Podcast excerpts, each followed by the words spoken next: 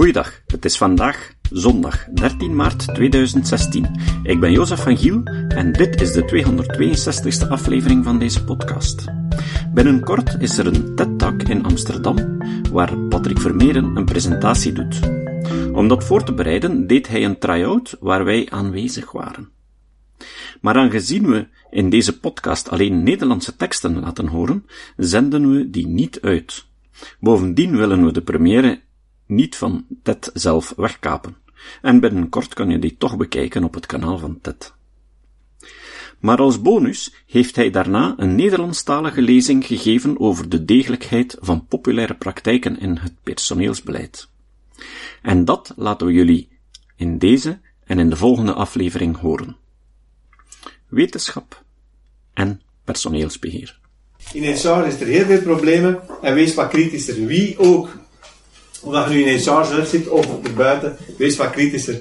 Dus ik ga wat achtergrondinformatie geven hier uh, over hoe dat het, uh, uh, hoe dat we eigenlijk tot die indeling gekomen zijn. Want ik heb uiteindelijk op hun verzoek wel een lijst gemaakt met, met zaken die fout zitten. Maar je moet dat ook wel kunnen onderbouwen. Bijvoorbeeld, ik moet zorgen dat ik ook niet juridisch vervolgd ben. Dus ik moet mijn zaken heel goed op hebben. Ik heb al twee keer een proces aan mijn broek gehad. Ik heb het al twee keer gewonnen.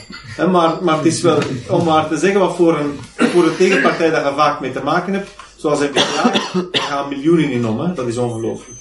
Dus, um, Gaat iemand een andere tip laten horen? Ja.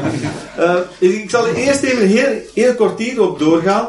Uh, je kan er ook over discussiëren, zoveel als dat je wil natuurlijk. Maar bijvoorbeeld, ik ben toch wel geïnspireerd door een boek van Maarten Boudry. Um, die, en samen met um, Pigliucci geschreven. Philosophy of Pseudoscience. En daar komen heel wat wetenschappers aan bod. En dan kunnen zien je kan op zoveel verschillende manieren proberen het onderscheid te maken tussen goede of slechte wetenschap. Je hebt niet alleen maar dubbelblind en gerandomiseerd zoals in de medische wereld. Eh, er zijn, er zijn heel wat manieren om ernaar te kijken. Dus mensen vragen naar criteria. Um, we hebben gezegd, oké, science-based is een duidelijke theorie, moet, moet je hebben. Dat is al één belangrijk uh, ding. En dan ook is de empirie en de statistiek ook wel duidelijk. Zijn daar bewijzen voor, voor die theorie. En theorie is uiteindelijk maar een idee dat je verkondigt, dat je probeert te hebben. Je denkt, zo zit de wereld in elkaar. Maar als je die theorie hebt uh, geponeerd, moet je die ook proberen te bewijzen. Dus, het grote probleem in de psychologie is ook veel vals positief trouwens. Nou, hier ga ik snel overgaan. Dit is alleen van de achtergrondinformatie die gaan in de criteria terugkomen. Dat komt bij veel mensen terug, zoals uh, Trivers, uh, evolutiebioloog. En die zegt van kijk, we moeten ervan uitgaan uh, de hardste wetenschap is de fysica. Daar zitten de, de natuurwetten in. Uh, en dat is een hele harde wetenschap, zowel heel theoretisch als heel wiskundig als empirisch. Hè. En daarop, de chemie moet daarop voortbouwen. Ik wil al direct zeggen, veel mensen proberen dat verkeerd te interpreteren en zeggen dat is een reductionistisch model, maar nee, je leest van onder naar boven. Dus chemie kan niet zonder fysica, dat is, de, de chemie moet beantwoorden aan de wetten van de, van de fysica. Biologie bouwt ook verder op die twee. Bijvoorbeeld, ons bloed is een en al chemie. En ons brein is een en al chemie. Uh, voor mensen die te maken hebben met depressie of, of, of, kennis hebben met depressie, die weten daar misschien al iets meer van. Dus bijvoorbeeld, biologie kan niet in tegenspraak staan tot chemie. En zoals Darwin ook zei, psychologie gaat noodzakelijkerwijze moeten verder bouwen op biologie. Bijvoorbeeld, nu weten we de laatste tijd door behavioral genetics en zo, dat persoonlijkheid voor een heel groot stuk en ons gedrag ook voor een heel groot stuk gewoon door ons genen wordt bepaald. Door die genetische roulette, die, die combinatie wat, van wat dat, uh, ouders en genen samen doen. En dat eigenlijk omgevingsfactoren maar een hele kleine factor zijn. Bijvoorbeeld, en daar zullen veel mensen misschien al lastig voor zijn, uh, maar ja, ik, ik ben hier niet om populair te worden. Uh, dat is bijvoorbeeld dat men inschat dat eigenlijk opvoedingspraktijken binnen het gezin, binnen normale gezinnen, maar voor 0 tot 2 procent impact hebben op je persoonlijkheid. Niet over waarden, maar echt over je karakter trekken. En, en mensen die een beetje nadenken en die naar hun eigen kinderen zien, die weten dat. Als je twee of drie kinderen hebt, hoe verschillend kunnen je kinderen niet zijn, terwijl ze in hetzelfde gezin zitten. Je kan eigenlijk al een beetje evidentie in je eigen gezin vinden. Maar goed, dat is een van die dingen. Maar wat hebben we nu gedaan? Met een aantal mensen, en Tom heeft daar ook aan meegewerkt, en heel veel feedback gevraagd aan mensen. En gezegd van, kijk, er zijn heel veel mensen die daar leek in zijn, dus we moeten een, moeten een beetje voorlichting gaan geven. Dus we moeten proberen die modellen te beoordelen aan de hand van criteria. De theoretische deugdelijkheid van een model, die kunnen we indelen met een twaalftal criteria. Zes positieve en, en zes negatieve. Bijvoorbeeld, een theorie kan gewoon op basis van redeneren of logica zijn, of zelfs wiskunde, of op basis van andere theorieën. Dat is, laten we zeggen, het eerste niveau van een theorie. Dan heb je de low-level theories, of mini-theorieën. Bijvoorbeeld, uh, om een voorbeeld te geven dat mensen snel begrijpen, de heup-taille-verhouding tussen mannen eh, bij, bij vrouwen, of de symmetrie van mannen. Uh, dat, is een, dat is een gegeven. Bijvoorbeeld, de heup-taille-verhouding 30, 30, 70 procent. dus dat, dat is 0,7 de heupen tegenover de heupen. nee, de taille tegenover de heupen. Of dan mannen moeten links-rechts symmetrie hebben. Maar goed, dat is een vaststelling, dat, dat verklaart voor de rest niet veel. Een middenrange-theorie die gaat al iets, een bepaald fenomeen meer proberen te verklaren. Bijvoorbeeld, die gaat iets zeggen, kijk, die, die, die ratio die zegt iets en die symmetrie zegt iets over genetische gezondheid. Dus dat is eventueel een interessante partner om je mee voor te planten. Daarboven kunnen zeggen, oké, maar wat, wat, wat legt ons dat uit? Je kunt overgaan. En dan kunnen we bijvoorbeeld op het niveau van evolutie komen. Zeggen van, kijk, evolutie, door die seksuele voortplanting, gaan er ook regelmatig mutaties ontstaan. En die mutaties die gaan leiden tot verschillen tussen individuen. En zo gaan bijvoorbeeld in veranderde omgevingsfactoren, gaan bepaalde individuen fit zijn, bij fit environment, wat dat Darwin noemde, uh, survival of the fittest, dat was niet de sterkste, maar diegene die het best in die omgeving nog paste. Dus je ziet, voortplanting zorgt voor mutaties en die zorgen voor evolutie. En dan, bijvoorbeeld, als we dan verder gaan, zeggen van kijk, een theorie kan nog steviger in zijn schoenen staan, namelijk als daar heel veel convergenties van verschillende domeinen. Jerry Coyne bijvoorbeeld heeft in Why Evolution is True allemaal de verschillende wetenschapsdomeinen aangehaald, die allemaal steun verlenen aan evolutie. Bijvoorbeeld de geografische spreiding van soorten, de, de diversiteit, uh, dat is een speciale term die ik even kwijt ben. Meer dan 22 domeinen. En dan kan je nog eventueel een andere shortcut gebruiken en zeggen, wat kijk, en als de experten in het veld er ook over eens zijn, hè, als er daar heel veel uh, unanimiteit over is, dan gaat dat altijd maar betrouwbaar worden. Die theorie. En bijvoorbeeld, 7020 kennen jullie niet, maar dat is een ingenieur die beweert dat, die beweert dat hij uh, heel veel weet over leren en die zegt van ja, opleidingen dat werkt niet. Eigenlijk uh, kun je bij wijze van spreken als je redenering voor onderwijs aan de kant schuiven enzovoort. Hè. En dat, dat is heel populair. En je leert het meeste van je collega's. Ja, amai. Ik denk dat je heel veel onzin van je collega's leert en heel veel slechte praktijken overneemt, waardoor dat bedrijven ook in het probleem zijn. Uh, en dan heb je de negatieve criteria. Bijvoorbeeld Dustball of Rainforest, daar ga ik op zijn terrein komen, van een Tom en van, van, van Johan waarschijnlijk. En maar dat zegt, als je heel veel data concreet is, als je heel veel gegevens hebt, ga je altijd correlaties vinden. Maar de meeste van die correlaties zijn gewoon toevallig. Die bewijzen niks. Hè. Grote probleem met die big data enzovoort. Of een theorie is al verworpen. Hè. Men heeft die verlaten. Bijvoorbeeld de theorie door de meesten hè, is psychoanalyse verlaten. Jung is verlaten. Freud praat in het bedrijfsleven bijna nooit meer over. Maar het is wel zo, nog die acolyten zoals Jung en Erik Berner, dat men nog over praat. Dat is heel bizar. Of de theorie legt niks uit, ze is niet testbaar of men weigert om ze te testen. Hè. Uh, bijvoorbeeld, om te larderen met anekdotes. MBTI die leggen hun proces, uh, hun test voor aan een aantal organen, zoals de COTA in Nederland. Dat is een commissie die beoordeelt dat een test deugdelijk is. Dat komt daar systematisch slecht uit. Inside Discovery, die maken een nieuwe test, die zijn slimmer, die leggen dat zelfs niet meer voor. En dan, kun, dan kan het niet uitkomen dat het slecht is. Dus die laten dat niet onderzoeken, bijvoorbeeld. Of bijvoorbeeld, ja, die theorie dat van dat paranormale van Jung, dat staat zo in tegenspraak. Of je hebt Frederik Laloux, uh, Reinventing Organization, die beweert dat we drie breinen hebben. Eentje hier, eentje daar, eentje daar. En zo zijn er heel wat dingen dat je zegt van, maar mensen denken die nu nagezien onmiddellijk dat dat fout is. Bij Frederik Laloux staat al op bladzijde 2. En als mensen een keer zouden het voorwoord lezen van die boek bijvoorbeeld, dan zien ze dan dat Ken Wilber is. Die mens die zegt dat hij een transcendente psycholoog is. Dus dat, dat je eigenlijk kunt overstijgen en, een, stijgen en één worden met het universum. Die noemt zichzelf uh, dus filosoof en zo. Die is dat dus allemaal niet. Hè. Die universiteit heeft dat bevestigd, die is dat niet. En die, die heeft een soort alternatieve theorie voor evolutie. En dat is gebaseerd op intelligent design, creationisme. Hè. Dus je ziet dat daar dus religie begint binnen te sluipen en dat dat nu als een soort ja, wollig dingetje wordt neergezet. En ze geven dan het, uh, vaak de impressie van wetenschappelijkheid. Hè? Bijvoorbeeld zoals we dat nu laten beoordelen. Want 1710 die zegt van dat is onderzocht en dat is bewezen. En al die studies, ofwel bestaan ze ofwel zijn ze vals, ofwel zijn ze slecht uitgevoerd. Hè. Men heeft gevraagd aan 35 volwassenen, waar leert jij het meest? En de meeste mensen zeggen, ja, op het werk zeker. Zo. Dan zeg je, voilà, dat is bewezen. Of, ehm, een van de meest gekke dingen is bijvoorbeeld Herman Brain Dominance. Die doen een vragenlijst, ze doen een vragenlijst en die vragenlijst zit statistisch behoorlijk goed in elkaar, die is coherent. En dan zeggen ze, kijk, het feit dat die vragenlijst coherent is, is bewijs dat dat stuk in, in dat stuk van het brein zich voordoet. Zonder dat ze fMRI gebruiken of zo. Uh, heel bizar. Ik ga er straks nog een voorbeeld van geven.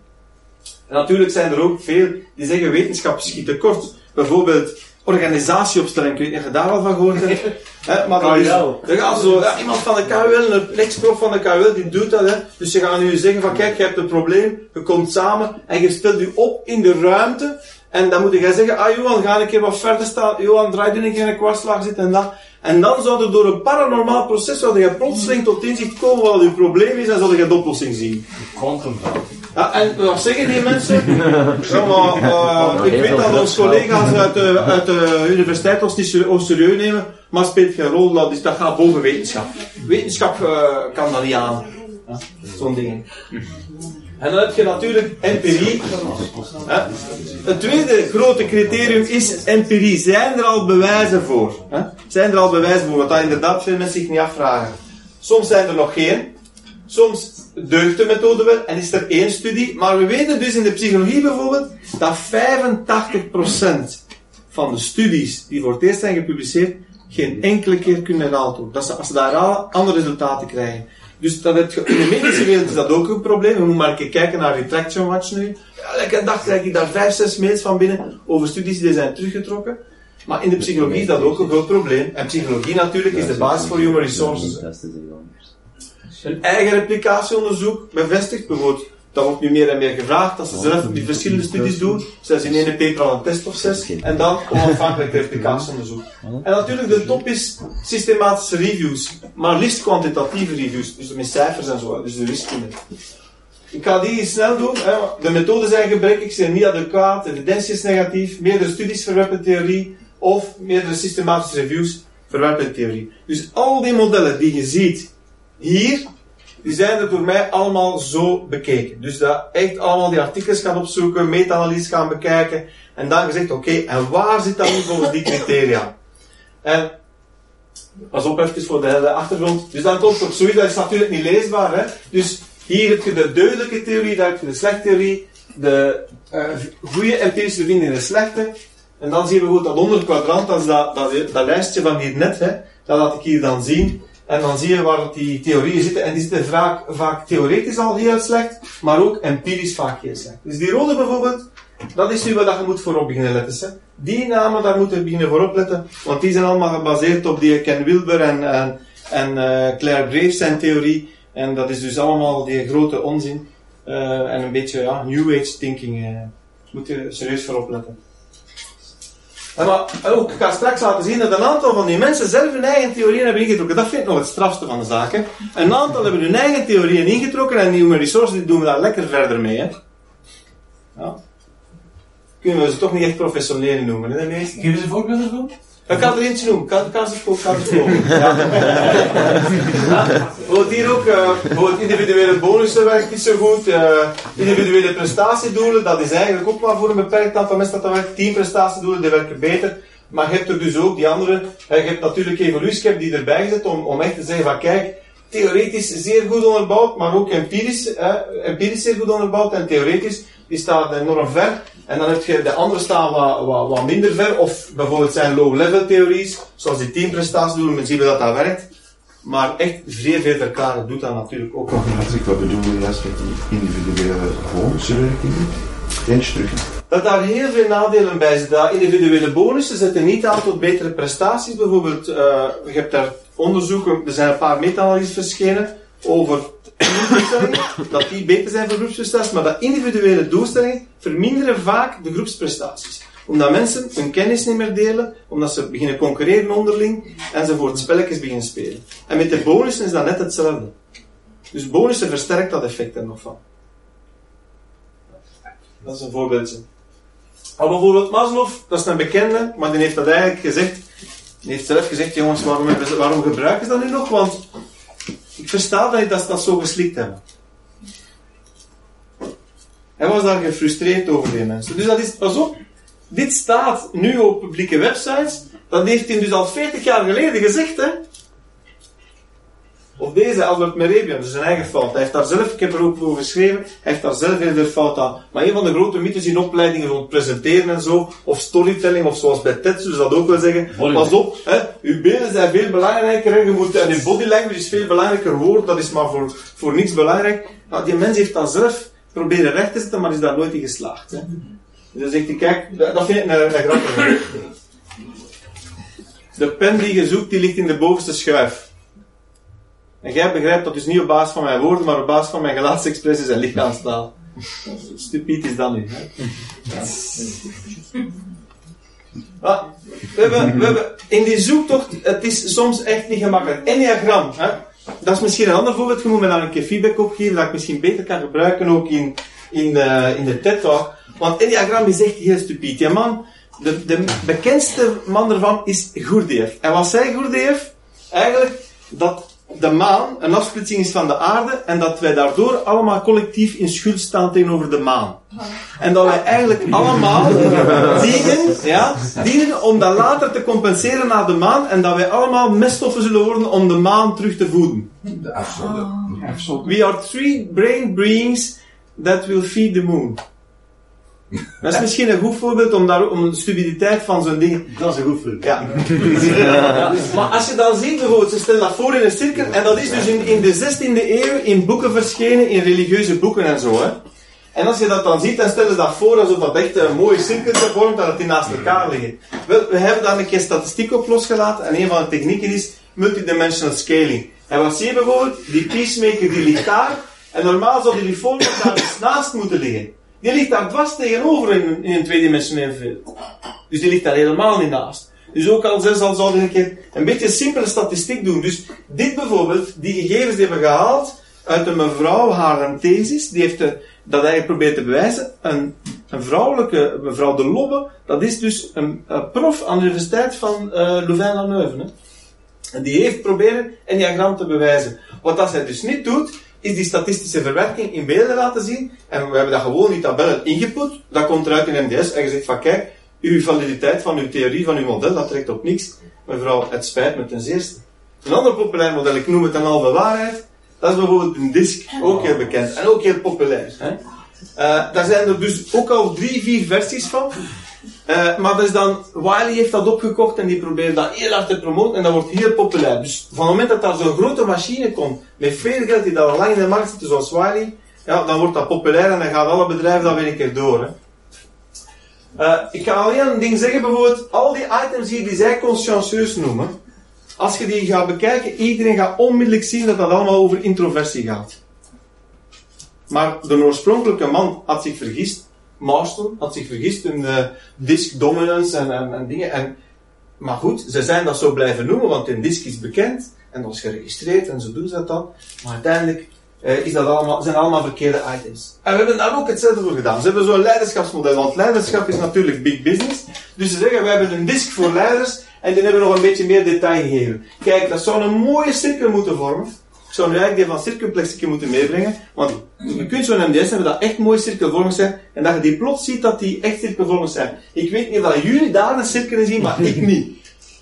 Ik zie daar gewoon een, een random vlek in. En ook daar heb ik gezien, kijk, die zitten absoluut niet verdeeld en die verhouden zich absoluut niet tegenover elkaar, zoals ze daar zich voorstellen. Dus, was, ik heb die manual gekocht. Dat kostte mij 45 euro. Nu, dat is niks. Ik schrijf er een boek over, dat is mijn werk. Uh, dus ik koop die manual en ik zie daarin dat in die eerste disk staan allemaal die MDS'en in. En dan plotseling bij leadership zijn die MDS'en daar niet meer. Die beelden zijn weg. Dus dat stinkt, hè. Dat, dat ruikt naar fraude. Dus wat doen wij? We doen dat zelf en dat komt eruit. En dan zie je dat dat echt totaal statistisch niet juist zit en dat dat echt qua inhoudelijke die, die validiteit helemaal niet klopt. Meneer. Maar zo'n model voorstellen zal waarschijnlijk niet aantrekkelijk zijn. Meneer, maar waarom Ja. moet hij een cirkel zijn? Want ik begrijp het eigenlijk volledig niet. Wel, omdat ze, als ze bijvoorbeeld zoiets cirkel, zij beweren dat zo'n cirkel vormt dat dan mekaars tegenpolen vormt. Hè? Dus dat wil zeggen dat zo hier, waar dat hier staat, echt negatief moet correleren, theoretisch min 1 moet correleren, dat moet tegenpolen zijn. Dus eh, omdat ze onderlinge verhoudingen laten zien. Maar die onderlinge verhoudingen zijn daar niet zoals ze die voorstellen. Dus er, er zijn geen verhoudingen eigenlijk. Random. Ja. Wat dat we zouden kunnen doen, wij zouden ook een keer kunnen gaan frauderen. En misschien zouden we daar geld mee kunnen verdienen. Ik denk ook dat wij veel rijker hadden kunnen worden als we meegedaan hadden met fraude. Hè. maar als je bijvoorbeeld zegt, ik pak een instrument dat echt een goede meting doet. Ik denk dat er een aantal zo gedaan. Ik pak de Neo PIR, een meer bekend instrument. En ik zeg, ik pak uw items, sociabiliteit. Ik weet dat die schaal goed is. En ik ga daarvan zeggen, kijk, het feit dat die schaal statistisch goed is, dat die betrouwbaar is, dat dat intern samenhangt, dat dat over hetzelfde thema gaat, dat is voor mij de wijs dat dat bij u in uw linkerbrein zich afspeelt. Dat is toch wel een hele rare stap, en dat doen ze dus. Dat doen HBD, die hebben zo een dikke manual, echt letterlijk zo'n dikke manual, om constant onzin te produceren, statistisch gezien. Die, die, die gaan dichotome scores continu voorstellen, enzovoort, enzovoort. Dat is ongelooflijk werk. Dus de meeste mensen doen het natuurlijk niet. Hè?